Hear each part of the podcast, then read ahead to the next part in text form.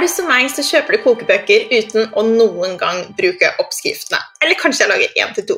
Jeg ender som regel opp med å lage det samme igjen og igjen. Si det ikke bare er meg. Det er én ting jeg har bestemt meg for å utfordre meg selv på, så er det dette. For selv om det er digg med gjentagelse, så har noen av mine favoritter, om ikke alle, når jeg tenker meg om, blitt til nettopp fordi at jeg har testet noe nytt. Jeg har satt sammen noen av mine favoritter som lages igjen og igjen her hjemme. Ikke bare fordi de smaker fantastisk godt, men fordi de gjør utrolig godt. Mine magiske salater, som jeg kaller dem, er nemlig så proppet med næring at du vil merke forskjell når du begynner å spise dem. Det har i hvert fall jeg og de rundt meg gjort. Jeg gir deg også gode tips for å sette sammen salater som metter og som smaker bedre enn brødskiven. Jeg lover deg, du kommer til å bli hekta. Gå inn på heleneragnhild.no salat for å laste ned mine magiske salater helt gratis og klart. Og du, lag en mens du hører på podden, da vel. Dette er andre gang Anniken kommer hit til Klar, ferdig, glød, og det er ikke uten grunn. Hun er en av de dyktigste og rauseste menneskene jeg kjenner, og hun gjør helt utrolige ting for de som er så heldige å få jobbe med henne. Anniken har bl.a. laget en bonus til Glødende kosthold, som er mitt kostholdskurs, og der har hun bare overlevert til de grader. Sist hun var på besøk, så snakket vi om mental trening, men denne gangen så vil jeg gjerne gå litt dypere. Og når jeg mener dypere, så sier jeg, når jeg sier dypere, så mener jeg at vi skal dypt inn i det ubevisste. Det er nemlig her vi kan gjøre de virkelig store endringene. Hypnose eller hypnoterapi har masse stigma knyttet til seg, men i dag skal vi knuse myter og snakke om hvor magisk det kan være å endre de tankene som du ikke engang tenker at du tenker. Jeg skal også dele mine egne erfaringer med hypnose og hvordan det har hjulpet meg. Velkommen tilbake, Anniken. Tusen takk. Det er så hyggelig å få lov til å komme tilbake. Det er kjempestas å ha deg. Endelig så fikk vi det til. Ja. Så hvordan har du det i dag? Du, jeg har det veldig eh, bra, egentlig, men jeg kan jo si at jeg syns jo ikke at de siste månedene har vært sånn supre. Det har ikke vært veldig lette, og jeg tror jo det kanskje er likt for veldig mange. Det har vært mørkt, og det er mye smitte, mye usikkerhet. Og selv så tror jeg at for min del så har det handlet om at jeg rett og slett jobbet veldig mye i en lang periode, sånn at kroppen bare trengte mer hvile. Så jeg har kjent mye på det at humøret ikke har vært der hvor det pleier å være. energien og følelsene har vært litt ute av balanse, så jeg rett og slett brukt de siste månedene på å komme mer i balanse, men, eh, men i dag altså det, har, det, funker jo. Jeg bruker jo de teknikkene som jeg vet jeg trenger å bruke for å ha det bedre, og eh, i dag føler jeg meg veldig bra. Langt svar på et kort spørsmål. ja, ja, vi har jo kommet over i et nytt år, og jeg kjenner også et slags sånn skifte. At man liksom, det bikker over til at vi nå er på vei inn i noe lysere.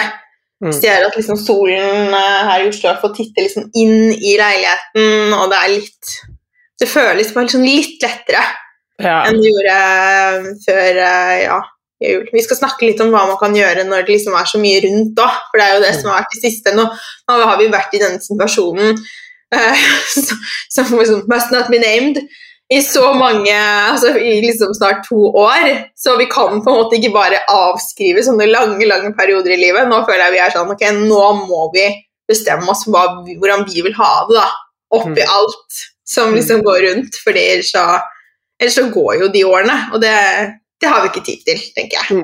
Ja, det er, det er som du sier, det, nå har det vært veldig lang tid, og vi aner jo egentlig ikke hvor mye lenger det kommer til å fortsette, så, så vi trenger bare å etablere en eller annen eh, tilstand, et liv som gjør at vi kan ha det best mulig sånn som tingene er nå. Fordi det eneste som vi egentlig vet sikkert, er at vi lever i dag, og vi aner ikke hva som skjer i morgen. Ja, det er så sant. Så hvordan startet du dagen din i dag? Jeg startet dagen med en eh, ti minutter morgenmeditasjon før jeg vekket barna. Og vanligvis så er jeg alltid vært skikkelig morgenfugl og, og våkne tidlig. Jeg elsker egentlig å stå opp tidlig og få en god start på, på, dagen, men det er også viktig for meg å få nok søvn. Og den uken her nå, det er jo da etter en lang ferie, så jeg kjente at det har vært så tungt å stå opp på morgenen. så det er ikke hver morgen jeg har kommet meg opp før barna, men i dag så kom jeg meg opp og rakk bare ti minutter for meg selv før jeg er vektig, og det gjør så mye for resten av dagen. Ja, det kan ha veldig, veldig mye å si. Det ja, det er, helt, eh, det er helt fantastisk. Jeg blir jo vekket av lykke hver morgen, eh, sånn rundt seks. Det er liksom en bra tid, seks pluss. Eh, så jeg, liksom, det å stå opp før barn, det er bare Ja. Men jeg har jo i hvert fall den liksom på kvelden at jeg legger meg veldig tidlig, sånn ni ofte og sånn, bare for å liksom få mer søvn, mer liksom alenetid, på en måte. Så mm. det føles også veldig bra. Ja, det er jo også kjempesmart, og vi må jo bare tilpasse oss. Når vi har barn, så må vi tilpasse oss det livet. Eh, og det vil si da til hvis det er noen som vil lytte på her og tenker at å, jeg vil gjerne også få til en morgenrutine og morgenmeditasjon, men jeg har barn og alt sånn. Jeg gjør ofte morgenmeditasjonen mens barna er våkne. Eh, mm. Om de Altså, før krabbet de kanskje rundt meg og, og alt sånn, og det er jo ikke det at det må være perfekt og rolig når vi skal gjøre vår meditasjon eller avspenning.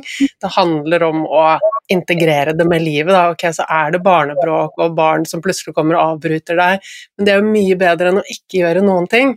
Mm. Eh, og at vi kan finne roen i det likevel. Så, så, ja, nå har barna mine blitt litt større, så det hender at de våkner og kommer og bare legger seg i fanget mitt, og da ligger rolig. det er helt fantastisk eller nesten rolig. Eh, så ja, det går an å, å integrere sånne vaner med, med barn da, og livet. Mm. Ja, det er kjempefint, og det er jo egentlig det meditasjon handler om også. Det er jo på en måte å la ting liksom skje rundt deg. sånn at det er jo derfor liksom, Du kan jo bare ta noen dype pust. Du kan knytte det til at du, du drikker en kopp kaffe. Uh, vi bruker iPad, no shame. Mm, og det er liksom sånn, ikke sant, altså Bare for å få den roen om morgenen. Veldig sånn um, altså Det å liksom sånn stå opp, bare liksom komme seg ut døra, sånn frokost i bilen Jeg kunne aldri hatt det sånn. Da. Det er jo noen ting jeg har tatt med meg helt siden jeg hadde ME. At liksom den der roen om morgenen er så viktig for meg. Så vi har god tid, og det ser jeg også. Jeg har overført nå til Lykke. Hun er jo helt sånn, hun må liksom ha god tid og liksom kose seg på morgenen og sånn. Og det er så fint. Og da kan jeg ofte skrive takknemlighetsbok sånn mens hun liksom sitter i sofaen med meg, og det er jo kjempekoselig. Så det gjør ingenting, trenger ikke å se perfekt ut i det hele tatt. Meditasjon er jo ikke sånn noe vi skal gjøre for å prestere. Det er jo ofte sånn det ser ut hvis man legger ut en sånn reels eller noe sånn med morgenrutine, så ser det liksom helt perfekt ut, og det er inspirerende, men det er jo egentlig det viktigste er jo bare å ha liksom, at man setter seg selv i state. og er sånn, ok, Hvordan vil jeg ha det i dag? Og det får man til uansett, for det kan ta to sekunder å bare bestemme sånn dagens ord. Jeg, Hvis jeg skal på jobb, da, så hvordan vil jeg liksom være i dag? I dag vil jeg være varm, jeg vil være åpen, liksom, ha liksom fokus på ett ord om dagen. Det kan være så liten ting som kan gjøre så stor forskjell. Jeg er så enig, og det, det, er jo akkurat det det handler om. Det handler ikke om at det skal være perfekt, men at vi får altså, sjekket inn med oss selv på morgenen. Og, og, med barn så kan det også være at man bare liksom ser barna inn i øynene, puster dypt og, og smiler og får Det gir jo en tilstedeværelse og en connection, ikke sant, og bare det gjør at man altså, lander i seg selv, roer ned nervesystemet og får den roen som vi gjerne da ønsker. Mm, absolutt. Vi snakket jo for lenge siden om det at jeg hadde veldig lyst til at vi skulle snakke om hypnose i en episode av Klar, ferdig, glød. Uh, og dette er jo noe som jeg har brukt selv masse, men jeg syns det kan være veldig utfordrende å forklare. Og så er det jo sikkert sånn kan, Kanskje du som lytter nå da, tenker med en gang sånn hypnose, det er liksom når man blir sånn, du blir hypnotisert en sånn, på en scene eller noe, og så liksom klukker som en kylling og liksom gjør crazy ting eller sånn Kanskje Det finnes sikkert noen Bond-film hvor noen var hypnotisert, jeg vet ikke, men du skjønner, det er liksom sånn da, man tenker at det er kontroll. Men hva er det egentlig, du som kan det her? Ja, så, så, jeg vet ikke om jeg kan svare helt klart på hva det er, for forskerne er ikke helt sikre. Det er mye de vet, og det er mye de ser eh, av hva det er, men man er ikke helt, helt sikker på hvordan det fungerer. Um, men vi mennesker er forskjellige, og det man ser, er at mennesker har forskjellig grad av hvor eh, hvor lett de blir hypnotisert. Noen blir veldig lett hypnotisert, og det er de som typisk blir plukket ut på scenen til sånne show som du snakker om, hvor man da får folk til å, gjøre rare ting. Eh, og det er en viss prosent av befolkningen som er sånn, men det er de færreste. Og de fleste har en eller annen grad av hvor lett de blir hypnotisert. Og hypnose, det er rett og slett en helt naturlig tilstand som vi mennesker går ut og inn av hver eneste dag, flere ganger i løpet av dagen. Og det er typisk når du kanskje Når du sitter i bilen og kjører et eller annet sted, og så har du kjørt forbi avkjøringen din fordi du bare og du vet egentlig ikke hva som skjedde, du bare var inni ditt eget hode. Eller når du bare står i dusjen og, og spacer ut, og så plutselig så Oi, oi, jeg må se på klokken, og så må jeg gå. Så det er, en, eh, det er en helt naturlig tilstand hvor vi på en måte skrur av alt dette eksterne inputet eh, hele tiden. Og spesielt det vi ser med hypnose, er at det, når vi bruker det aktivt, da, at det er en veldig konsentrert tilstand hvor vi kan ha fokus på noe, og hvor alt annet egentlig forsvinner i ganske stor grad, og vi også skrur av den delen av oss som er på en måte den kritiske sansen, sånn at vi blir mye mer åpne for å ta imot eh, en eller annen eh, en eller annen beskjed og ta imot det som sant, uten at vi stiller kritiske spørsmål til det eller til oss selv. Nå er det selvfølgelig ingenting som er svart-hvitt, og det er jo grader av det. Noen eh, går veldig lett inn i en sånn tilstand, mens andre ikke går eh, altså like dypt og like tungt inn i det. Men effekten av hypnose handler ikke om hvor dypt nede du er i den transen eller ikke. Den effekten får du likevel, og det er viktig å si. Ja. Mm. Men er det litt sånn som avspenning? For jeg husker når jeg var på mm, rehabilitering for ME for veldig mange år siden, så så var det jo sånn vi skulle liksom ha fokus på avspenning, og da var det veldig mange som syntes det var så ubehagelig. De klarte jo ikke å slappe av. Uh, og der er det jo sånn at jeg, min erfaring i hvert fall er at man må øve. Uh, og for å liksom, nå er det jo veldig lett for meg å gå inn i en avspenning, mens det var ikke det i starten. Nei. Nå er, er det også litt sånn med hypnose at man kan på en måte bli flink, eller at det kan gå ikke flinkere, men at det kan gå fortere å komme liksom ned da man kommer dypere. Ja, altså eh, det med avspenning og meditasjon er jeg helt enig eh, med deg i. Det at eh, jo mer man har gjort det, jo lettere går det. Og så er det ikke alle dagene det går lett uansett, for sånn er vi bare. Um, og dette med avspenning, uh, når vi syns det er utfordrende, så handler det jo også om ofte at vi, har, at vi ikke er vant til det. Uh, at kroppen kanskje føler seg utrygg og ikke tør å slappe av. Vi må jo være trygge for å kunne gå inn i en avslappet tilstand. Og når vi har mye indre uro, så er det utfordrende da å, å ta en avspenning. Men det forskerne viser, er at det, den, på en måte, den kapasiteten du har til å bli hypnotisert, da, den er er eh, konstant. At du faktisk mm. Det er en viss del av befolkningen som ikke så lett lar seg hypnotisere, og de kan heller ikke trene seg opp til det. Nei, okay. Så det er litt spennende. Men dette er jo et felt som forskerne ennå ikke vet nok om. Vi vet ikke alt, eh, så jeg kan ikke med sikkerhet si at det er sånn og sånn, men jeg syns jo at fordi jeg selv har drevet så mye med visualiseringer og avspenninger og meditasjoner, at da jeg begynte å bruke hypnose, så var det veldig lett tilgjengelig. Uh, og jeg går veldig lett inn i tilstand hvor jeg får tilgang på alle disse indre ressursene. Så, uh, ja, for det vil jo være sånn at du, liksom, hvis man skal gjøre noe sånt for første gangen, hvor man aldri har liksom gjort noe som du aldri har vært på noe til, men du har aldri gjort noe sånn Du har ikke slappet av i livet ditt. Mm. Ja, men du har liksom, da er du jo liksom du bare Å, dette er rart, og liksom det, det, kan jo ta litt lengre tid, for er jo på en måte tørre å bare stole på prosessen. Så den ser jeg jo. Absolutt. Absolutt. Men det er i hvert fall veldig interessant da, at det er ja. forskjellig hvor lett ja. du klarer å er, eh, og den er, den er, så statisk, og det handler om strukturelle forskjeller i hjernen, er det forskerne ser. At vi faktisk har forskjellige strukturer, og at det kan være genetisk, og det er en del sånne faktorer som gjør at vi enten veldig, blir veldig lett hypnotisert, eller eh, ikke så lett hypnotisert. Og så er det jo masse grader inni her. Eh, men du har helt rett i det at eh, når jeg skal jobbe med noen, hvis de aldri har gjort en avspenning eller, eller er redde og bekymret, sånn, så handler det egentlig bare om å gi dem noen lydspor som lærer kroppen til å være avspent. Hva skjer når jeg gir disse og disse instruksjonene, og du skal puste og du skal slappe av og alle de tingene jeg gjør? Det er ting man må lære. Hvis vi har aldri gjort det før, og hvis vi har masse indre stress, så kan det være altså, kjempeskummelt. Mm. Mm. Det, liksom, det er akkurat samme som når man jobber med mat og jobber med liksom mer Sånn som alt medisiner også, for vi er jo veldig opptatt av å føle i det som er mer klassifisert klassisk da, som det alternativet, så opplever folk kan være sånn Ja, men det funket ikke for meg. Det funker ikke for alle. Det er liksom veldig Terskelen er veldig høy. At liksom, Hvis det skal være sånn at det er noe vits å prøve å legge om kostholdet, så skal det være noe som liksom, da skal det funke for alle. Eller et mm. kosttilskudd eller ting sånt.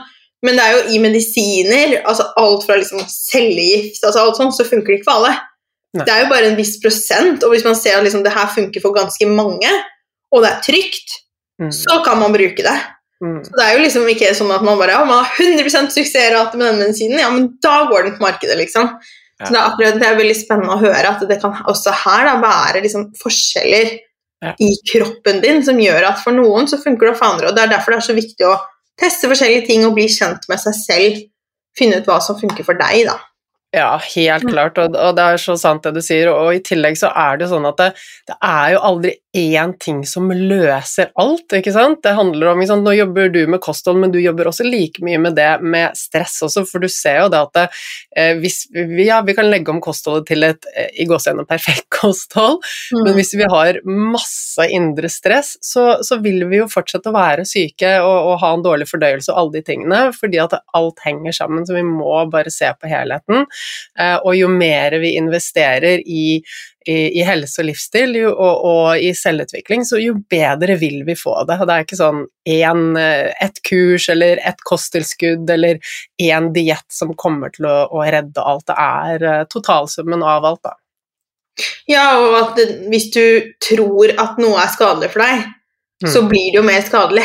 Det vet ja. man jo, og omvendt. ikke sant? Sånn at Det er jo også det med kosthold. Man kan være veldig redd for å spise mye og liksom er veldig stressa for små ting som tilsetningsstoffer eller at noe er sprøytet. Så du går liksom, er livredd for det, da, så da blir det jo veldig mye stress rundt mat. Så det er også noe som jeg egentlig bare jobber mer og mer med, uh, som jeg ser har veldig stor effekt. Det å liksom plukke av redsler for mat gjør at også resultatene av å legge om kosthold blir så mye bedre. Og det går jo også på egentlig det ubevisste, på en måte. Mm -hmm. Mm. Det var veldig spennende. Men det ubevisste sinn Det høres jo veldig sånn uh, sånn åndenes makt ut. Det er jo ikke det i det hele tatt. Så hva, hva er greia med det ubevisste sinn? Ja, det, det, er jo, det, er jo, morsomt at du sier det, at det høres jo litt woo-woo ut. Og jeg er jo jeg, i utgangspunktet en person som har alltid vært veldig realistisk. Jeg er åpen for alt. Jeg er ikke noe sånn eh, Altså, jeg er åpen for alt, men jeg har vært veldig sånn Det skal være basert på forskning, og jeg skal på en måte Jeg skal skjønne hva det er. Eh, når det gjelder det ubevisste sin, så er det altså vi, vi har ikke nok forskning på det. Vi vet jo egentlig ikke nok om det, men jeg nå, etter alle disse årene med praksis og erfaring og det jeg ser, så trenger ikke jeg lenger å ha en, en avhandling som viser akkurat hvilke ting, eh, hvilke ting, som skjer i hjernen og hva som skjer i kroppen, fordi at jeg ser effekten så utrolig. Så vi eh, Gjennom hele livet vårt da, så, så, er jo vi, vi mennesker vi, vi, er jo ute for å lære, spesielt eh, første delen av livet. Eh, gjennom barndommen så skal egentlig menneskene de skal lære om alt det rundt oss for at vi skal kunne vite hvordan vi rett og slett skal oppføre oss for, eh, for, at vi skal være trygge og komme oss gjennom livet. Så som barn gjennom barndom og ungdomsårene så suger vi til oss kunnskap om omgivelsene, sånn at vi skal kunne eh, fungere i verden. Og alt det vi eh, ser og hører og lærer, selv når vi er små babyer, selv når vi er inni magen til mor, det lagres i oss. Og i liksom, den bevisste delen av hjernen så har vi ikke kapasitet til å lagre alt. Eh, fordi det er så mye informasjon som sansene tar inn hele tiden. Så alt dette lagres i underbevisstheten.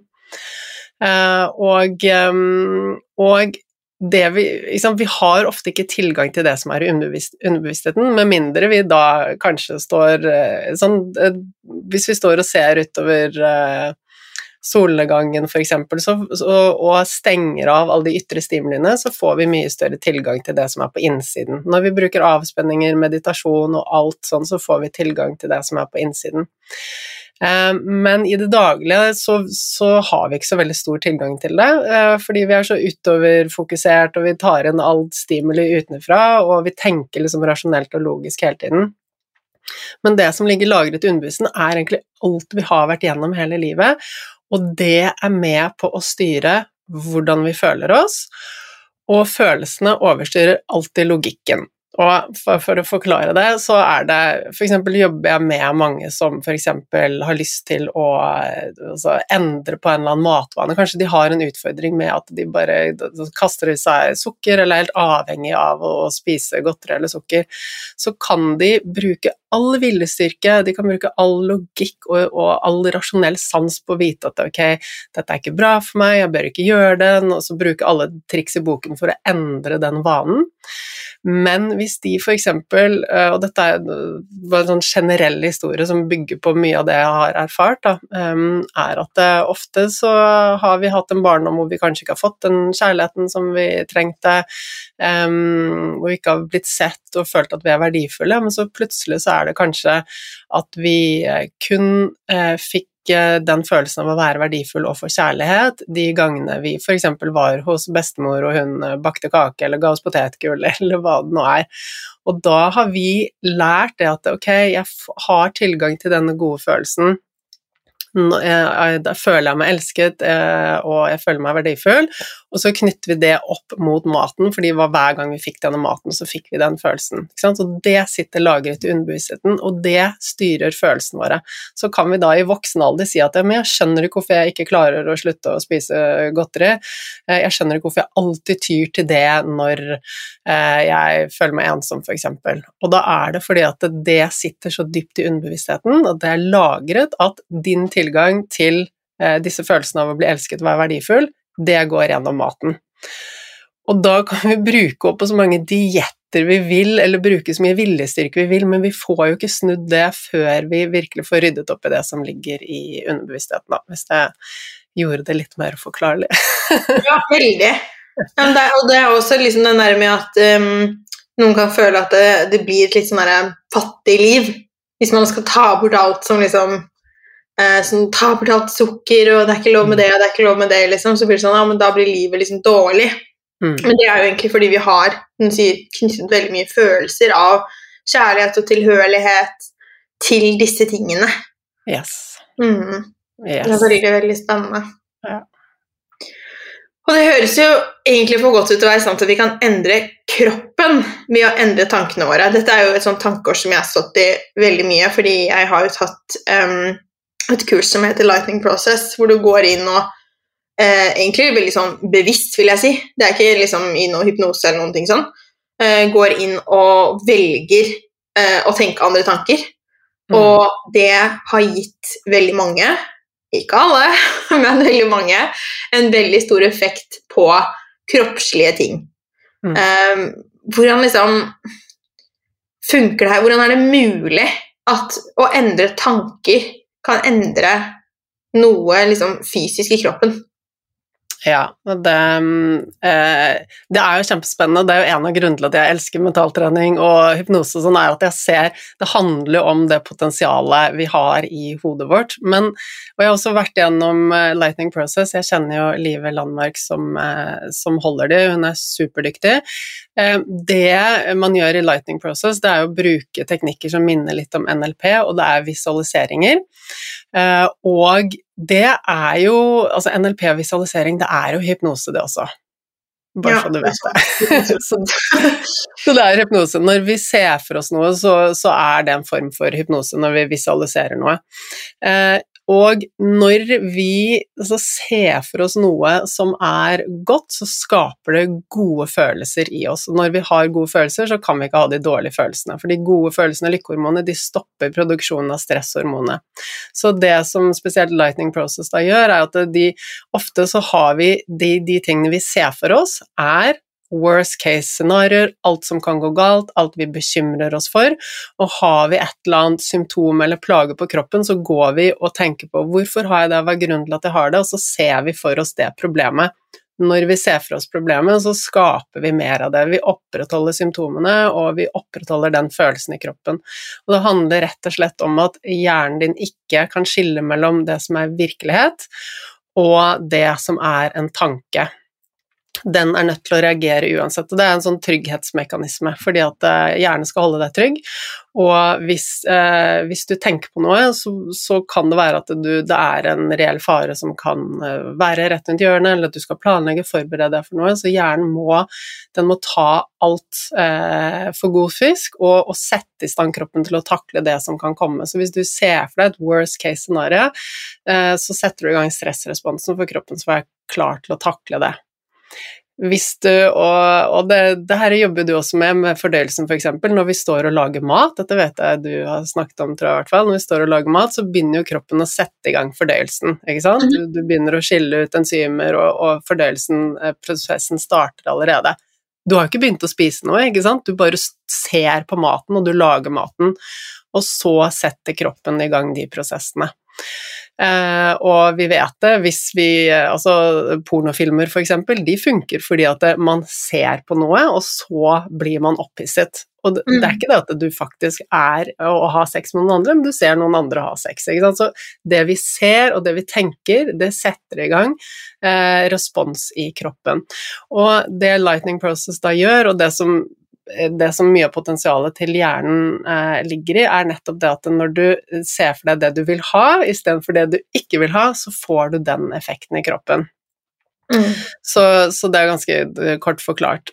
Men det som Lightning Process ikke gjør, er å rydde opp i årsaken til at eh, disse utfordringene har vært der. Og det jeg ser veldig ofte, er at plager vi har, om det er sånn utmattelse eller migrene, eksem eller mange andre ting, egentlig handler om at vi har eh, ting som sitter dypt i underbevisstheten som vi ikke har bearbeidet. Det er rett og slett følelser. Eh, det kan være gamle traumer, det kan være mye forskjellig, og det er kroppens eh, måte å, eh, å, enten be om hjelp eller å prøve å komme seg i trygghet, få oppmerksomhet, eller bare få ut disse følelsene. Fordi følelser er energi, og de skal være i bevegelse. Og når vi ikke lar de slippe ut, så skaper de sykdom i kroppen hvis det er av den negative karakteren. Um, og jeg, nå har jeg taushetsplikt, så jeg kan ikke fortelle hva jeg jobber med. Eh, men vår felles venninne Sandra har jeg jobbet med, hun har gitt meg tillatelse til å fortelle hva vi gjorde, fordi at eh, det var så kraftfullt, og det er kunnskap som alle trenger. Eh, og hun har jo hatt kronisk migrene, eh, hun hadde migrene hele livet, og var i sommer så var hun innlagt på sykehuset en uke med migrene. Eh, og var hos en nevrolog, fikk beskjed om at du har kronisk migrene, her er medisiner, du må nesten ta de resten av livet. Eh, og så tenkte Litt som med deg, Helene, så så jeg at hun hadde det vondt, og så sa jeg men ok, la oss ta en session. Ja. du trenger det. Eh, så jeg gjorde en session med hypnose med henne, og da hun kom ut av den, så var migrenen borte, og den forble borte. Uh, og det handlet rett og slett om emosjonelle ting som lå der som ikke var uh, blitt bearbeidet. Mm. Mm. Spenninger også. Og det er jo hjernen som styrer alle disse tingene. Det er jo ikke sånn at um, Altså hjernen er jo den som hele tiden gir beskjed. Og som jeg pleier å si til kundene mine også, så er det jo hjernen som forteller deg hele tiden f.eks. at du ikke sitter opp ned. Du får hele tiden beskjed om at vi sitter riktig vei på en stol. Og det er liksom sånn Du er ikke opp ned akkurat nå. Så det er veldig sånn morsomt at liksom vi har en sånn Det er jo den liksom gamle måten å se kroppen, at man har et sånn skille mellom det fysiske og det psykiske. Men Mm. egentlig så styres det jo helt, og det vet man jo via veldig mange sykdommer også, hvor man har sett denne sammenhengen. Um, sånn en, en venninne av mamma som mistet mannen sin veldig brått. Hun fikk jo en sånn endring i, hjert i hjertet sitt som kalles for broken heart syndrome. Og det er jo sånn Legene aner ikke hva det er, men det kommer av sånn her akutt, hvor det bare liksom er sånn mal, også sånn kjempestress, sorg, bare sånn bang, bang, bang opp, ikke sånn traume, og som bare lager en endring i, et, et, liksom, ja, i hjertet. Så det er veldig mange sånne ting da, som man vet at Man kan jo se at folk kan få grått hår av veldig mye stress. Hvis du ser på statsministre før og etter når de har jobba i noen år, særlig de som opplever veldig mye sånn store ting, da, så skal man se at man blir grå i håret og sånn. Så det er veldig interessant å se. Sånn, eh, hjernen styrer alt i kroppen. Ja. ja. så den er så, så er det veldig logisk, men jeg skjønner jo også at eh, mange da tenker at f.eks. ME, så tror jeg mange tenker sånn Men jeg prøver veldig å bli frisk, og jeg bare Ja, så klart. Du kan jo heller ikke lære noen andre å ME. Nei. Og det er jo livet som har sagt til meg at liksom Det er jo sant, for å se det andre veien. At det, det er jo ikke sånn Sandra kunne være sånn her Ja, men nå skal jeg vise deg, Helene, hvordan jeg lager migrene. mm, Så det handler jo ikke om at du gjør det, at du er årsaken, det er din skyld. Det er din skyld at du ikke har blitt frisk. Det her er jo ting som ikke du bare kan gå inn og liksom Det er ikke sånn Jeg er frisk, jeg er frisk, jeg er frisk. Det er jo i det bevisste. Mm. Det å tenke. Det samme som um, det vi skal snakke om etterpå i forhold til fødsel. ikke sant? Og bare liksom være sånn herre Jeg skal ha en god fødsel. Sånn, Om jeg tenker det tusen ganger om dagen, så vil ikke det nødvendigvis hjelpe Nei. i den situasjonen når de setter i gang, og de følelsene kommer tilbake. Ja. Så det er jo viktig å poengtere. Ja, det er helt sant, og det er sånn eh, det er, det er jo ganske komplekst. Vi er jo så inne i vårt eget hode og vårt egen tankemønster, og det er ikke bare å liksom, tenke seg selv frisk eller i god form. Det her trenger vi hjelp til, rett og slett. Det er, det er, det er på en måte det er utfordrende å få tak på det selv, men med riktig hjelp så er det så magisk hva vi kan få til, og etter hvert så kan man lære seg teknikker og bruke, bruke hypnose selv, og det, man kan jo f.eks. bruke det til å sant, eh, takle smerte bedre, eller bare takle situasjoner bedre, når man bare liksom roer seg selv ned og forteller at, eh, at ting er bra, at man er trygg og alle de tingene. Så jo mer man trener på det, jo mer kan man få til eh, selv i, eh, i hverdagen, da, i, i situasjoner som eh, dukker opp. Ja, absolutt. Hvordan kan man Eller hvordan vil du si at Hvordan bruker du da disse verktøyene i hverdagen, sånn som du sa på starten, at du, at du merker at det hjelper å bruke de? Ja. Ja, og, og det jeg um, Altså, jeg lytter jo til et eller annet lydspor, uh, gjør en eller annen avspenning, meditasjon, hver eneste dag, uh, og det er helt essensielt. Og det som er, er at jeg vet at hvis ikke jeg hver eneste dag går inn og bevisst fokusere på ting som er bra i livet, uh, og det er jeg takknemlig for, så går jeg inn i et mindset som er veldig negativt, og ikke den personen. Da blir jeg lettere irritert og ser liksom bare Jeg ser rotet rundt meg, jeg ser mangler rundt meg, jeg ser de tingene som jeg bare ah, det vil jeg ikke ha i livet mitt. Eh, så jeg trenger hver eneste dag å minne meg selv på det som er bra, og det handler om å bare trene opp hodet til å se etter det som er bra i livet. Eh, så hver morgen så tenker jeg på de tingene som jeg er takknemlig for, og jeg sier tusen takk. Og på kvelden også så har jeg en sånn eh, Vi har en rutine hjemme med barna. Nå har jeg to barn, de er ni og elleve. Og når vi legger de, så er gjerne mannen min og jeg sammen med barna, og så sier alle tre gode ting med dagen. Og hvis en hans foreldre er borte, så tar vi det på FaceTime på telefonen. Eh, så, så, vi prøver å gjøre det hver eneste dag, kan også gjøres rundt middagsbordet eller noe. Og det lærer, og jeg ser også at eh, etter at vi begynte å implementere det, så har også eh, det ene barnet mitt, da, som ikke nødvendigvis har et sånn veldig happy-go-lucky mindset, som er litt mer negativt rettet, er så mye mer harmonisk, så mye gladere og, og, ser lysere på livet, bare fordi at vi hver eneste dag skal alle si minimum tre ting som har vært bra med dagen.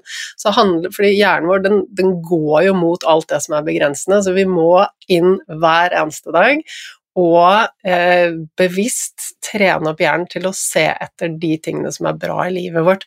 Det går ikke av seg selv. Så for min del så handler det mye om å bare gjøre det. Det er sånn daglige rutiner som ikke tar lang tid, um, men som hjelper veldig. Og så en annen ting jeg gjør, dette har jo ikke noe direkte med hypnose å gjøre, men det handler om nok hvile hvis jeg eh, ikke sover nok, eller hvis jeg jobber for mye, så, så rakner det med en gang. Altså det, jeg har det ikke noe bra, og jeg blir ikke en bra person. Så enkelt er det. Nei. men, eh, men, i forhold til det vi snakker om, så bruker jeg jo lydspor eh, daglig. Det kan være avspenninger, yoga nidra-lydfiler. Eh, det er jo en form for avspenning. Um, og de er jo De fungerer på ganske lik måte som hypnose. De, de tar deg ned på altså et dypt nivå hvor du får restituert veldig bra, og i sånne type avspenninger så legger man jo gjerne også inn litt sånn litt mentaltrening, litt positive ting. Um, så, og så bruker jeg rett og slett hypnoselydspor og da har jeg et helt arsenal av forskjellige lydspor. og så bruker jeg det jeg trenger, om det er liksom en eller annen følelse jeg trenger, eller altså hva det nå er jeg trenger mer av i livet mitt, da, eh, så, så bruker jeg det. Eh, og det funker så innmari på å bare snu tankesettet mitt og gi meg de følelsene som jeg vil ha. Mm. Så det er egentlig liksom, Du har på en måte sånn, eh, sånn smågodthylle av lydspor, og så plukker du det som du trenger der og da. Og det er jo liksom samme med å være intuitiv i forhold til hva du spiser. At du kjenner etter hva du trenger. Mm. Eh, det er eh, noe som, som man, Jo mer du øver på det, jo mer vil du jo kjenne. Jo mer kjenner du deg selv, og hva, liksom, hva er det jeg egentlig trenger. Mm. Så det er veldig det er kjempespennende. Og det er jo så enkelt å få tilgang på, og så konkret. Og noe som vi alle kan gjøre for å få det bedre. Så det er kjempespennende.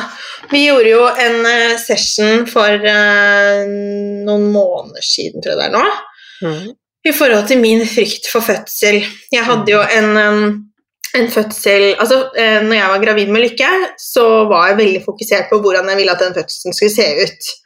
Og jeg var nok også um, Eller jeg var litt sånn prestasjonspreget. Det er jeg jo som person. Altså, jeg vil veldig gjerne høre at jeg er flink. Så jeg hadde veldig lyst til å også være flink til å føde. Og så er jeg jo veldig opptatt av det naturlige og veldig sånn Det er jo en liksom bås som jeg noen ganger kan føle at jeg blir puttet inn i. Um, fordi når man har en del følgere i sosiale medier og sånn, så er det jo sånn det merker jeg selv òg. At de jeg følger, så ser man jo liksom Du ser noen ting, og så, har du liksom, så fyller du ut resten. Um, jeg husker jeg hadde når Jeg møtte jo på barnehage, forresten. Sånn, hadde et barn som ikke var um, Ligna ikke så mye på henne, da, var en annen etnisitet. Og da tenkte jeg jo sånn Hun er sikkert gift med en mann som ser ut som barnet. Og så møtte jeg henne liksom på lekeplassen, og så sa hun sånn, ja, nei, han er jo adoptert. Og da bare raknet hele den historien jeg hadde lagd om henne. Det er jo så rart. Det er liksom sånn, ikke sant? Jeg hadde en hel sånn fortelling, og så mm. plutselig var det sånn Oi, det var jo noe helt annet. Og det er liksom det samme med at noen ganger kan man få kommentarer på at liksom, å, bruker du ikke sånn, å, bruker du selvbruning, eller bruker du neglelakk, eller gjør du sånn, er ikke du liksom opptatt av det, eller kjøper du det, og Så jeg følte veldig sånn i den situasjonen at sånn, jeg skal ha den derre føde i badekar, dra mitt eget barn opp på brystet, ikke sant. Det skal være liksom sånn, det skal se veldig sånn ut. Uh, og så ble det liksom helt i motsatt retning, så jeg mistet jo totalkontrollen.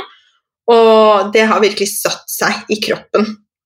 Så var jeg på sykehuset uh, og delte jo også det i sosiale medier, at jeg fikk en veldig sånn kroppslig respons. Fordi rasjonelt så føler jeg meg ikke redd, uh, men kroppslig så var det sånn at jeg fikk liksom hjertebank, eh, satt på Ullevål der og så på den malingen som preller av veggene der. og bare tenkte helt sånn, Det er sånn det samme, ikke sant? de samme fargene og samme stemningen, samme luktene, lydene, alt. Og du bare tar deg rett tilbake. Og kjente at liksom kroppen bare begynte å lage adrenalin og stress. Eh, så dette eh, var jo helt perfekt å jobbe med. Um, så det gjorde jo jeg. Um, så jeg tenker vi kan snakke litt generelt om en sånn situasjon. Liksom, når man da skal gjøre en sånn session, hvordan er det det ser ut. For det er sikkert mange som er sånn Ok, det her har jeg lyst til å teste ut. Um, jeg har en utfordring et eller annet, og uansett om det er veldig sånn uh, migrene, som står med Sandra, eller om det er en mer redsel vane. Hvordan gjøres dette? Kan ikke du fortelle litt om det?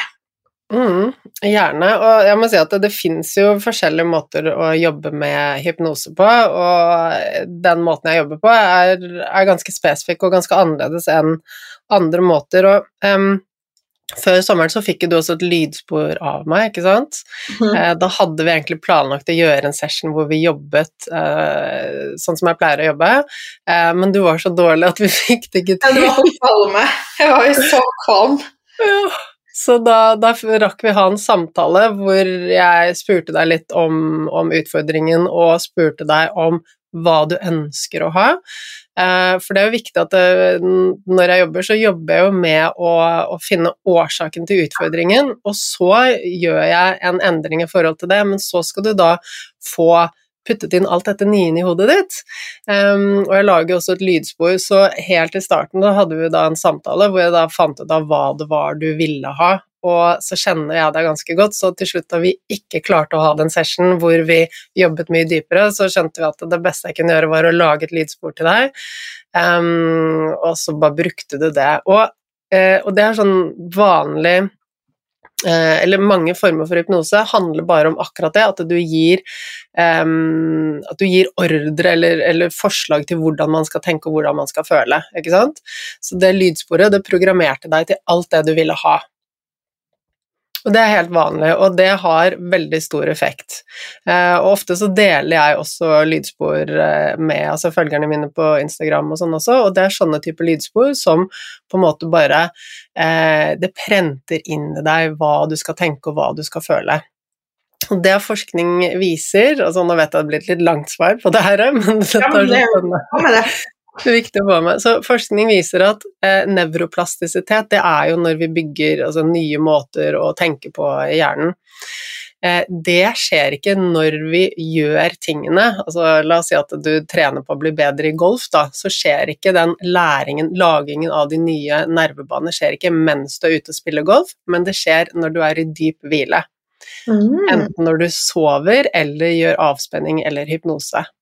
Wow. I tillegg så er det én faktor til som er med å, eh, å øke denne graden av nevroplastisitet, og det er at du har fokus.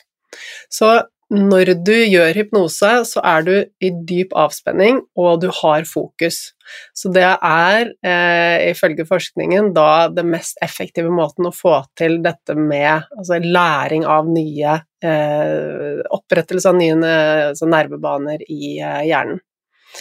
Så, så, et lydspor som bare prenter inn i deg hvordan du skal tenke eller føle eller alt det nye du vil ha, det har en kjempeeffekt, og det er den optimale tilstanden for å bygge disse nye eh, nervebanene i hodet. Så, men når jeg jobber, så liker jeg å jobbe grundigere. Vi setter av god tid, sånn som jeg gjorde med deg, og det første vi gjør da, er egentlig altså jeg tar deg inn i en eh, til, avslappet eh, tilstand hvor du er i hypnose, og det er kjempeenkelt. Og vi, vi, mennesker er jo i hypnose store det mange Altså ofte gjennom dagen så går vi inn i denne tilstanden, og barn frem til ti års alder er der så å si hele tiden. ja, er det derfor de er sånn helt liksom, i sin egen verden og Fordi Jonna driver sånn googler sånn 'Har mitt barn ADHD?' Jeg bare Nei, Nei. Det er bare sånn barn er. De det er sånn, ikke sant. Du roper nå 'middagen klar', og det er null respons. De er inne i sin egen verden, og de skal få lov til å være der. Så jeg syns jo det at eh, frem til i hvert fall ti års alder, så syns jeg barn egentlig skal bare få lov til å være seg selv, ikke ha for mye organiserte aktiviteter, ikke, ikke liksom Vi skal ikke dra det inn i vårt voksne sånn eh, stressende hverdag, de bør få lov til å være inni, inni hodet sitt. Men vi voksne er også der naturlig. Så når jeg jobber med kunder, og da vi hadde vår session, da tok jeg deg inn i hypnose, og mange tenker jo sånn Å nei, da mister jeg helt kontrollen, og, og hva kan, kan, du få meg til å gjøre hva som helst, og, og er litt redd for at det er skummelt. Men eh, sånn som du vet, Helene, så er det jo bare det at det, vi er avslappet. Eh, du kan fortsatt tenke på hva du vil, du kan fortsatt eh, høre ting rundt deg, og du vil ikke gjøre eller si noe som du ikke har lyst til, men du er dypt avslappet, og du har mye lettere fokus på akkurat det vi jobber med, og alt det rundt det er ikke så viktig, ikke sant? Er det sånn du også opplevde det? Mm. Mm. Så det er rett og slett en avslappet tilstand hvor du ikke er så kritisk lenger, og hvor du bare har fokus på det vi jobber med. Og når jeg da jobber med en sånn session, så går jeg rett og slett inn og ber eh, underbevisstheten hente opp eh, noen scener, altså noen minner, som er årsaken til den utfordringen som du ønsker å jobbe med å fjerne. Eh, og noen ganger så er det jo overraskende ting. Ofte er det sånn ja, jeg vet jo egentlig grunnen til at jeg har denne utfordringen, eh, og så dukker det kanskje opp helt andre ting. Vi vet aldri hva som dukker opp, så det er kjempespennende. Men noen ganger så handler det også om at vi vet hva årsaken er, men vi klarer jo ikke logisk å endre på det. Mm.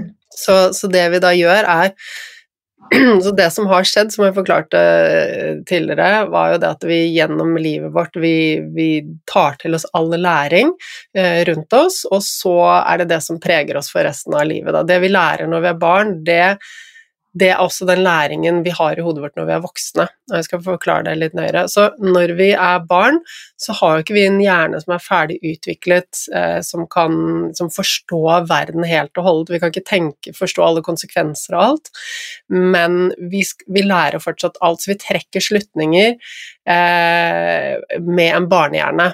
Så et barn kan være i en situasjon hvor barnet prøver å få kontakt med en forelder, og foreldre er i et viktig møte på telefonen, og, og foreldrene bare 'nei, hysj, du må være stille, jeg har ikke liksom, tid nå'. Så kan barnet bare tenke 'ok, men mine følelser og det jeg har å fortelle, det er ikke verdt uh, å Eh, det er, det er, ikke verdt å, å, bli lyttet til, og ingen er interessert i å lytte til det, eller jeg, ikke, jeg, er ikke verdifull. Og så kanskje barnet da kommer med en fin tegning fra barnehagen, og foreldrene sier 'Å, så flink du har vært, og så fin', og så kan slutningen være det at ok, jeg, jeg er bare verdifull, jeg får ros når jeg er flink og presterer.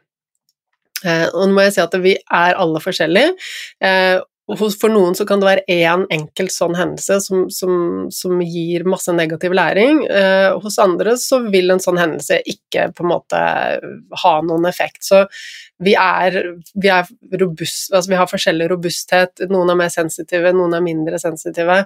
Eh, så vi reagerer alltid forskjellig på de tingene som er rundt oss. Men det, vi, eh, det som er felles, er at vi ser og lærer ting gjennom livet, og den måten vi ser på lærdommen med, med gjennom altså barneøyne, barnebrillene, det er samme måten vi forstår det på når vi er voksne. Mm.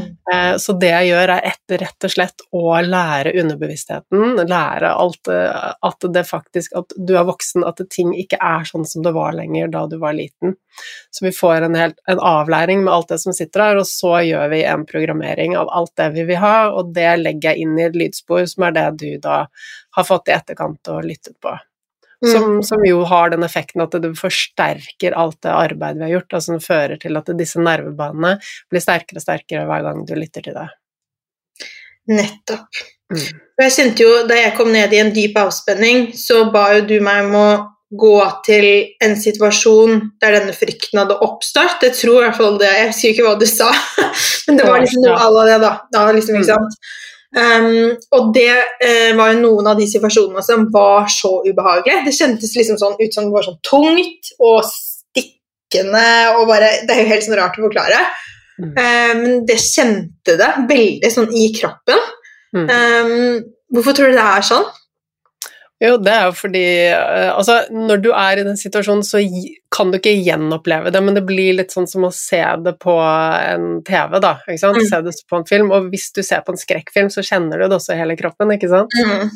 Ja, så det er jo rett og slett eh, tilbake til det jeg forklarte eh, tidligere, at hjernen ikke skiller mellom på en måte det som faktisk skjer, og det vi liksom ser eller tenker, den må reagere. Så når, når de bildene kommer opp, og det minnet kommer opp, uh, så gir det den ubehagelige følelsen, for hjernen tenker ok, jeg må sette deg i stand til hvis det er en farlig situasjon som oppstår nå, så må jeg være klar for å, å takle det, og da er det liksom den stressresponsen som kommer på. Ja, og stå liksom i de der ubehagelige følelsene. At mm. den vil på en måte bort fra det, ikke sant. Mm. Ja. Og etter en sånn seanse så kan jeg jo bli ganske sliten og mm. føle meg litt dårlig. Mm. Og da føles det som om liksom hjernen har jobbet Har du Er det vanlig? Ja, kjempevanlig.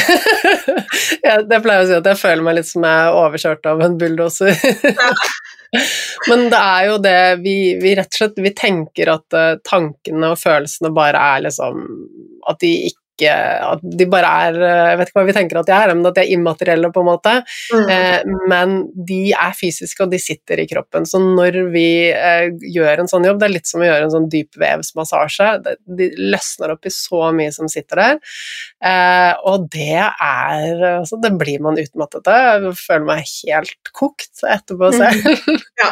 det er selvfølgelig forskjellig da, altså, hva det gjelder, hva man jobber med og hvilke situasjoner, men, men ofte så er man litt sånn og, så, og, så, ofte så ser man, lærer man ting om seg selv som man ikke visste, og ser sammenhenger som er litt sånn Det er mye å ta inn over seg, det er mye å reflektere over, og ofte så kan man være litt ekstra sårbar etterpå, fordi altså, ting som man ting er kanskje ikke sånn som man trodde det var. Noen er sånn Ok, veldig mange da kommer og sier ja, men har jeg hatt en veldig fin barndom, alt er egentlig fint, og det er trygt og fint, og så, så når vi er i hypnose, så dukker det opp det ene tingen etter den andre fra barndommen, og så kommer de ut av det, og så har de da egentlig må de se på barndommen og foreldrene sine med nye øyne, og rett og slett skjønne at okay, ting var kanskje ikke så bra som det jeg trodde. Eh, og det handler også om mye det mange kan være i veldig dårlige relasjoner eh, gjennom barndom og oppveksten. Eh, eh, altså være utsatt for eh, omsorgssvikt eh, og, og, mye uten at man egentlig skjønner at det er noe galt med det, fordi det er jo normalen. Eh, at man kan gå langt inn i voksen alder før man skjønner at man kanskje har bodd med en syk forelder, eller at det har vært utsatt for et eller annet som ikke er som det skal være, da, og ikke fått den kjærligheten og tilhørigheten og, og alt det som vi skal ha som barn. Eh, så det å i voksen alder plutselig skjønne at ok, vet du hva, ting er ikke helt sånn som jeg trodde det var Det, kan, det er jo tøft da i starten, eh, så bringer det så mye godt med seg, men hele den omstillingsprosessen når man liksom blir mer kjent med seg selv og, og, skjønner hva som har skjedd og hva som ligger bak og alt sånn, i tillegg til at du får den derre altså, frigjøringen av all den energien som har ligget der, da, av tanker og følelser, eh, det Ja så det er helt normalt å føle seg litt tung etterpå. ja, og så er det jo sånn at vi, vi, lærer jo nye ting hele tiden, og nå er jo vi foreldre begge selv også. Så jeg tenker sånn helt sikkert at våre barn kommer til å sitte i terapi og bare Herregud, foreldre og moren vår, mødrene våre var helt krise.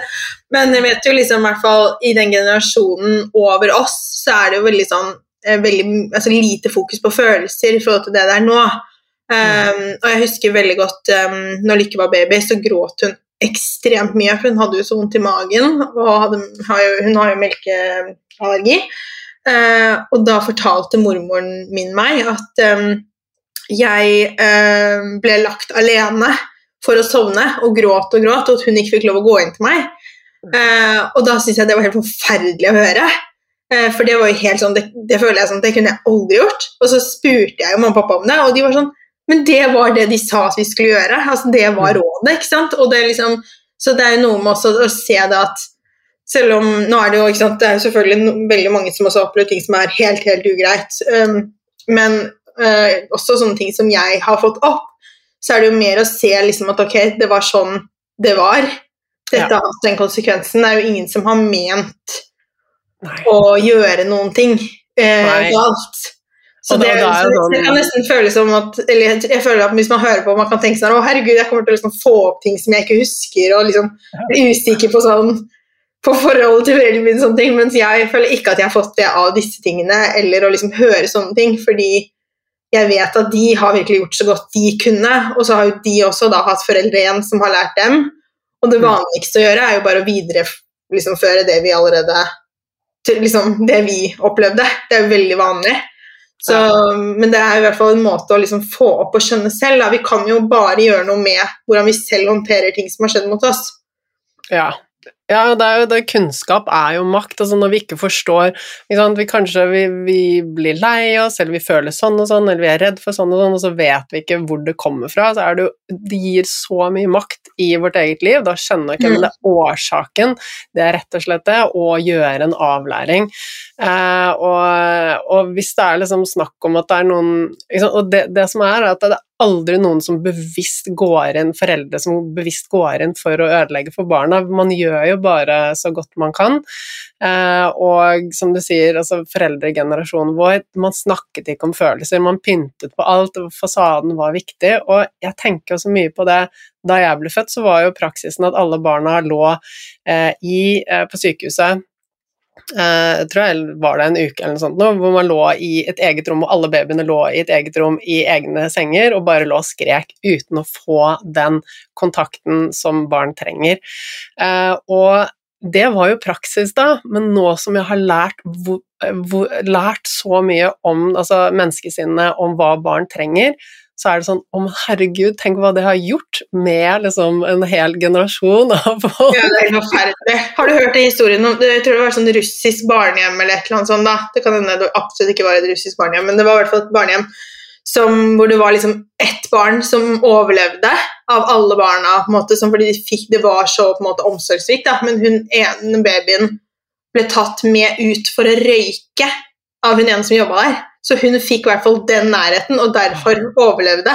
Mens de andre var bare helt sånn her, ikke sant? Det er jo sånn failure to thrive, liksom. De ble jo bare helt sånn tynne og sykelige. Og, fordi de hadde ikke menneskelig kontakt. De lå bare i sånne senger. Det er jo helt sånn altså den, ja, det er jo en helt annen greie, men den der fysiske kontakten ikke sant? og den liksom kjærlighet og hva gode følelser gjør med oss, er jo helt utrolig viktig. Så det kan være også mangel på Og det kan jo være sant, hvis du har da vokst opp med foreldre som er ganske liksom, kald, og som ikke klarer å være åpen om sine følelser, så vil jo du kanskje liksom få det samme og videreføre det. Så det er jo bare, ikke sant, det liksom, handler egentlig om å break the chain, da.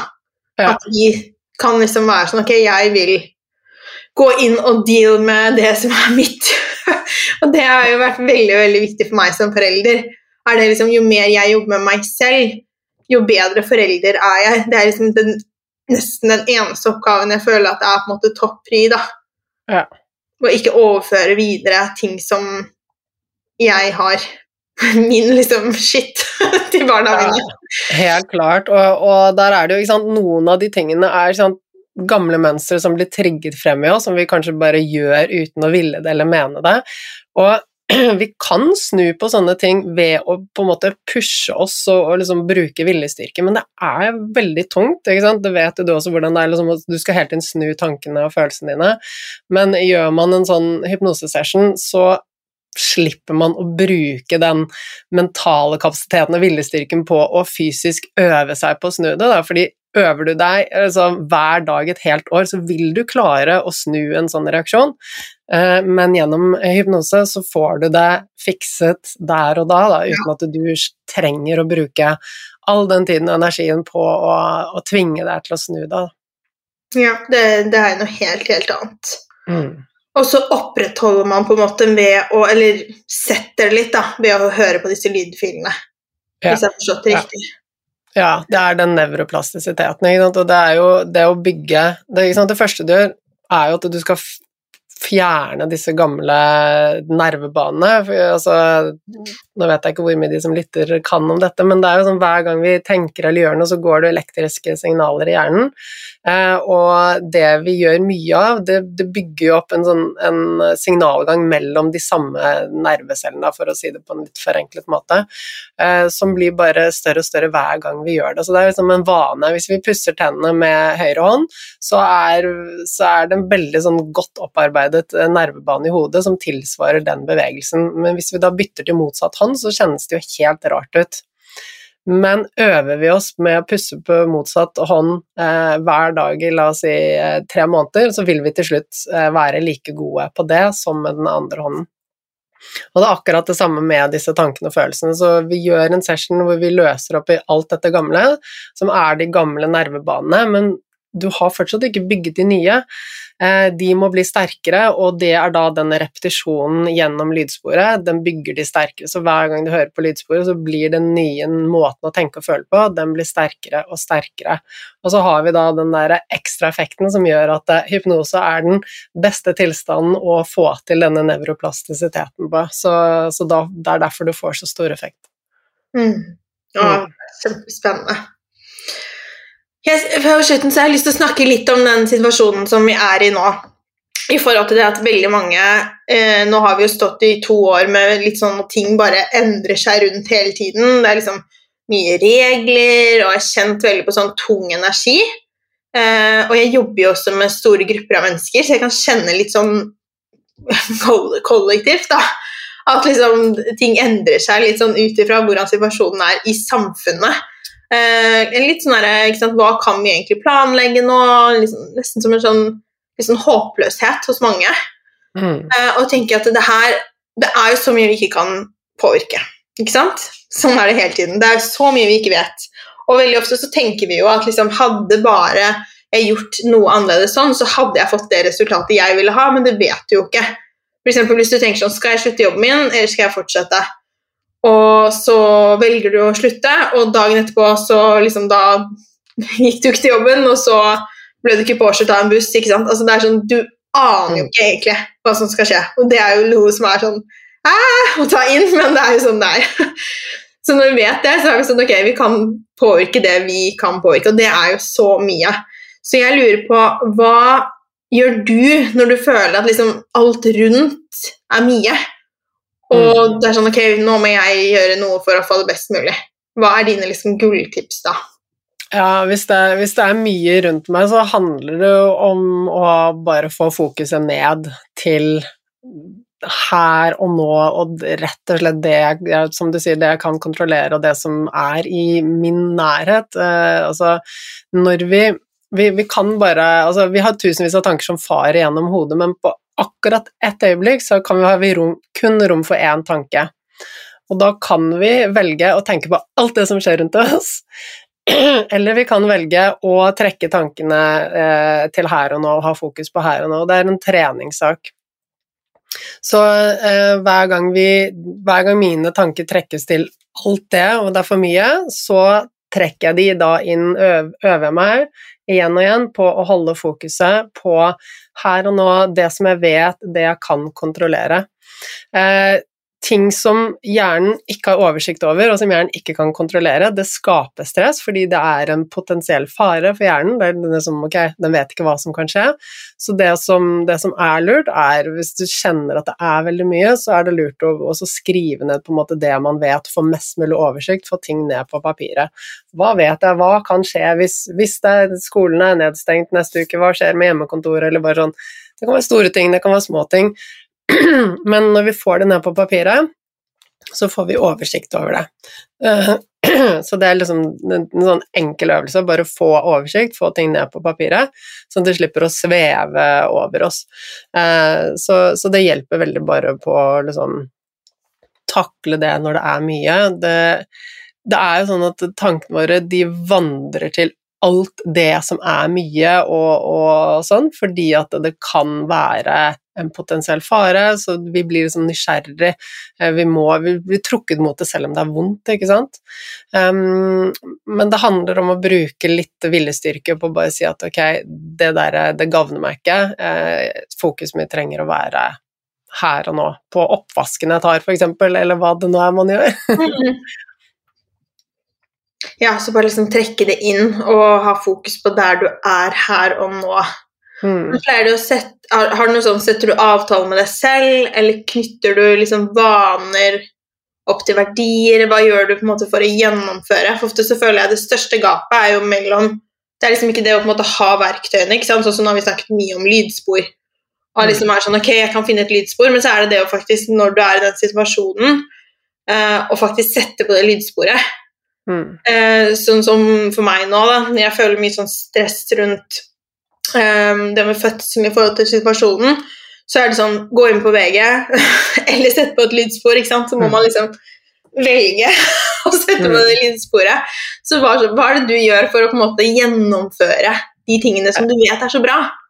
Ja, og jeg Altså, dette her er jo jeg syns dette er de mest spennende områdene, og nå er jo jeg litt nerd på dette med vaneendring, men nå skal du få min oppskrift på å på en måte få til de gode vanene, eh, og denne oppskriften kan alle få til. Jeg mener at vaneendring, eller bare det å ta gode valg i hverdagen, det å på en måte legge fra seg VG og heller ta denne avspenningen, det å få til det skal være lett, og vi skal slippe å bruke viljestyrke. Det er klart at noen ganger så trenger vi å liksom bare gi oss selv det ene lille pushet, men eh, når vi jobber med følelsene våre, så kan vi få det til at det går automatisk uten at vi må bruke masse viljestyrke. Fordi altså, vi orker jo ikke drive og pushe oss selv gjennom alt mulig rart hele dagen. Det blir veldig tungt, og det blir til slutt en hverdag som ikke er særlig hyggelig. Så jeg har tilbrakt store deler av livet mitt på å bare pushe meg til å gjøre alt som jeg stresset med og trodde var bra for meg, og sånn orker jeg ikke å ha det lenger. Så alt det jeg gjør gjennom hele dagen, er lystbetont. Mm. Jeg gjør ingenting som jeg ikke har lyst til, jeg gjør bare det jeg har lyst til. Og da har jeg bevisst skrudd til hva det er som gir meg gode følelser, og så har jeg skrudd til eh, alle disse dårlige følelsene. Så grunnlaget for den måten jeg jobber med vaneendring på, er rett og slett det at hjernen vår eh, og underbevisstheten vår den styrer mot det som gir oss gode følelser, og styrer bort fra det som gir oss dårlige følelser. Og det handler jo om overlevelse. ikke sant? Dårlige følelser, stress, det kan være en fare. Så har du dårlige følelser rundt noe, så vil du automatisk styre bort fra det. Har du gode følelser rundt noe, vil du styre mot det. De gode følelsene er ikke alltid bevisste, eh, og vi kan ha gode følelser rundt det å gjøre ting som er dårlig for oss, ehm, men det er fordi at det, det minner oss om et eller annet som er bra, og det gir oss en eller annen sånn release av lykkehormoner.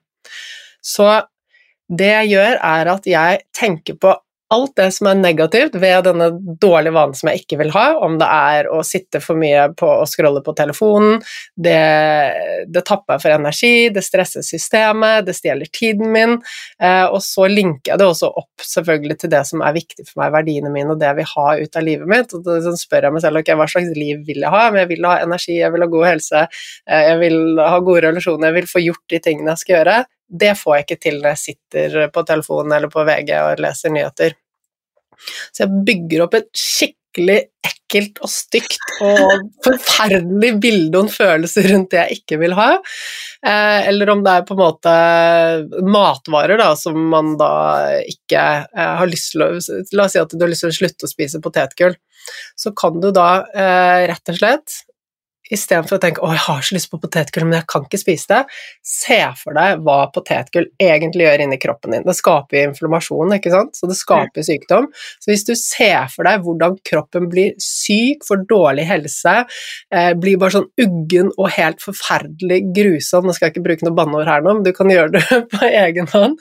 Bare visualiser hvor nasty det blir på innsiden av kroppen din når du spiser det potetgullet, og så velg deg ut et eller annet som du vil spise istedenfor, og bare skap den fantastiske altså drømmehagen rundt dette. Se for deg at når du spiser det, så blir det som en sånn magisk drømmehage inni kroppen din hvor alt spirer og gror, og du blir sunn og frisk og energi.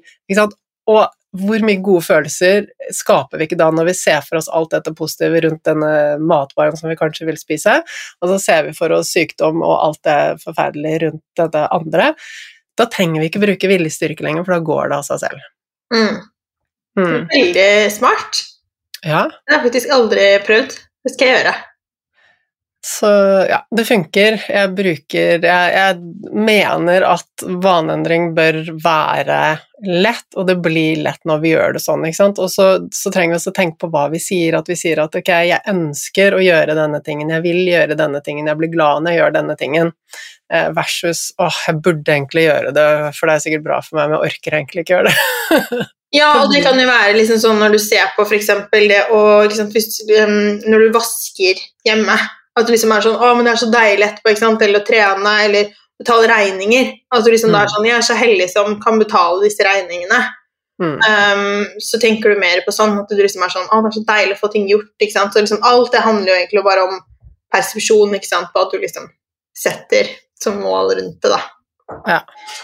Når jeg ser tilbake på 2022, så har jeg lyst til å føle at jeg gjorde meg selv stolt. Jeg kjenner at nå er det liksom kommet dit. Jeg skal gjøre noe med det jeg kan kontrollere. Og jeg har, jeg har veldig lyst til å se tilbake på, og det er noe som jeg syns er en veldig sånn fin sånn mini-mini-øvelse.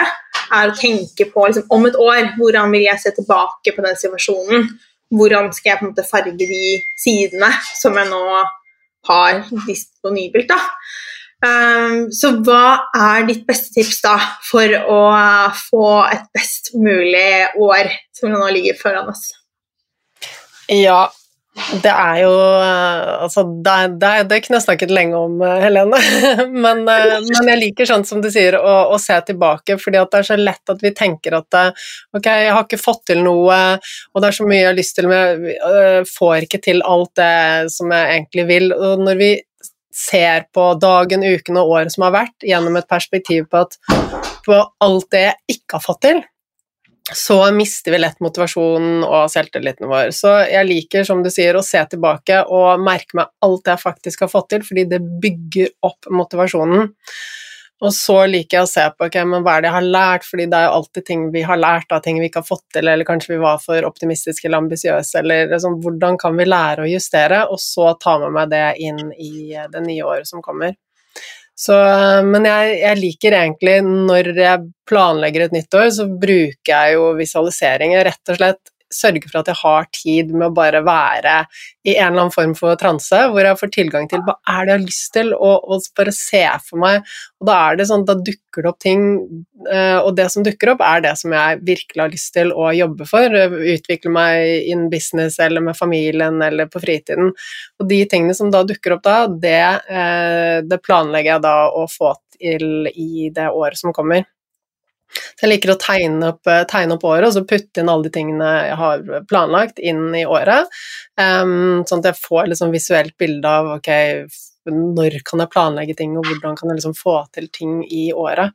Jeg tenker at det, det viktigste er å se for seg det vi vil, eh, altså det man har lyst til å få til. Når vi hele tiden har, liksom, sjekker inn med det, ser det for seg. Jeg liker også å lage et uh, vision board hvor jeg liksom putter bilder av de tingene jeg vil ha, og så henge det opp. Men, for det er jo alt det visuelle det påvirker oss, det vi, det, vi, ser eh, og tar inn. Det har vi snakket om nå i denne episoden her, og, og de tankene vi har i hodet, det visuelle eller bare ordet, det påvirker oss.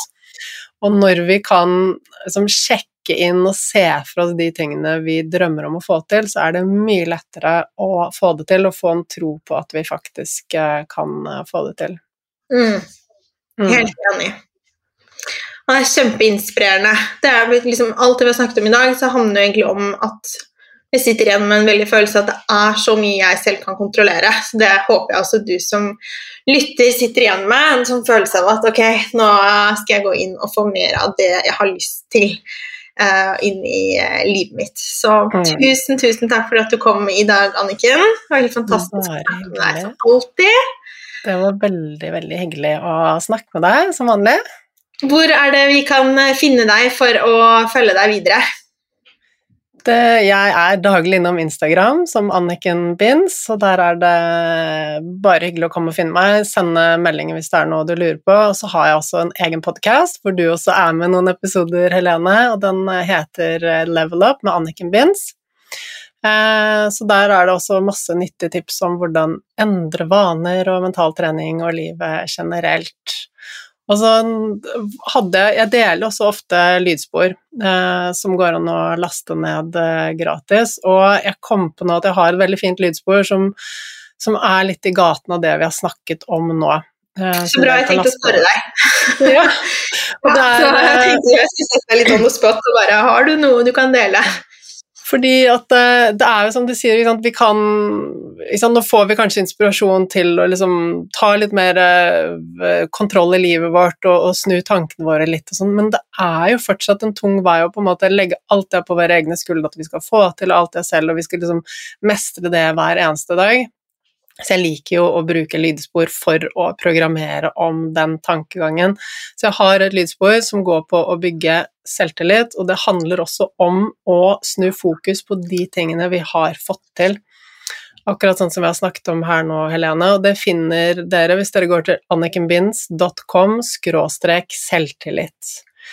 Og da får dere lastet ned en eh, guide med tips til hvordan komme i gang med å bygge selvtilliten, og et lydspor som dere da får tilsendt på e-post, som rett og slett går Som programmerer dere til å holde fokus på det som er bra, og det vi har fått til, fordi det bygger selvtilliten, og det bygger motivasjonen. Eh, og det er så lett at tankene vandrer til alt det vi ikke har fått til, og det bringer oss ikke noe godt sted. Så det er et fint sted å starte med å, å se hva lydspor og hypnose kan eh, gjøre, for det er helt magisk. Ja, det er jeg helt enig i. Og jeg hørte på et lydspor med deg før vi møttes i dag, og det hjulpet meg så mye, så jeg er kjempetakknemlig for at uh, du også deler disse gratis. Du deler de med Jeg har noen kjempebra i kurset mitt, og ja, det er veldig, veldig veldig bra, så det anbefales. Det er bare rett inn og laste ned og høre på det. Og meg det finner dere på heleneragnhild.no og Helene Ragnhild på Instagram. Og Helene Ragnhild Ernæring på Facebook. Og så gleder jeg meg masse til å catche opp med dere igjen veldig snart, og takk for at du lytter. Ha det bra!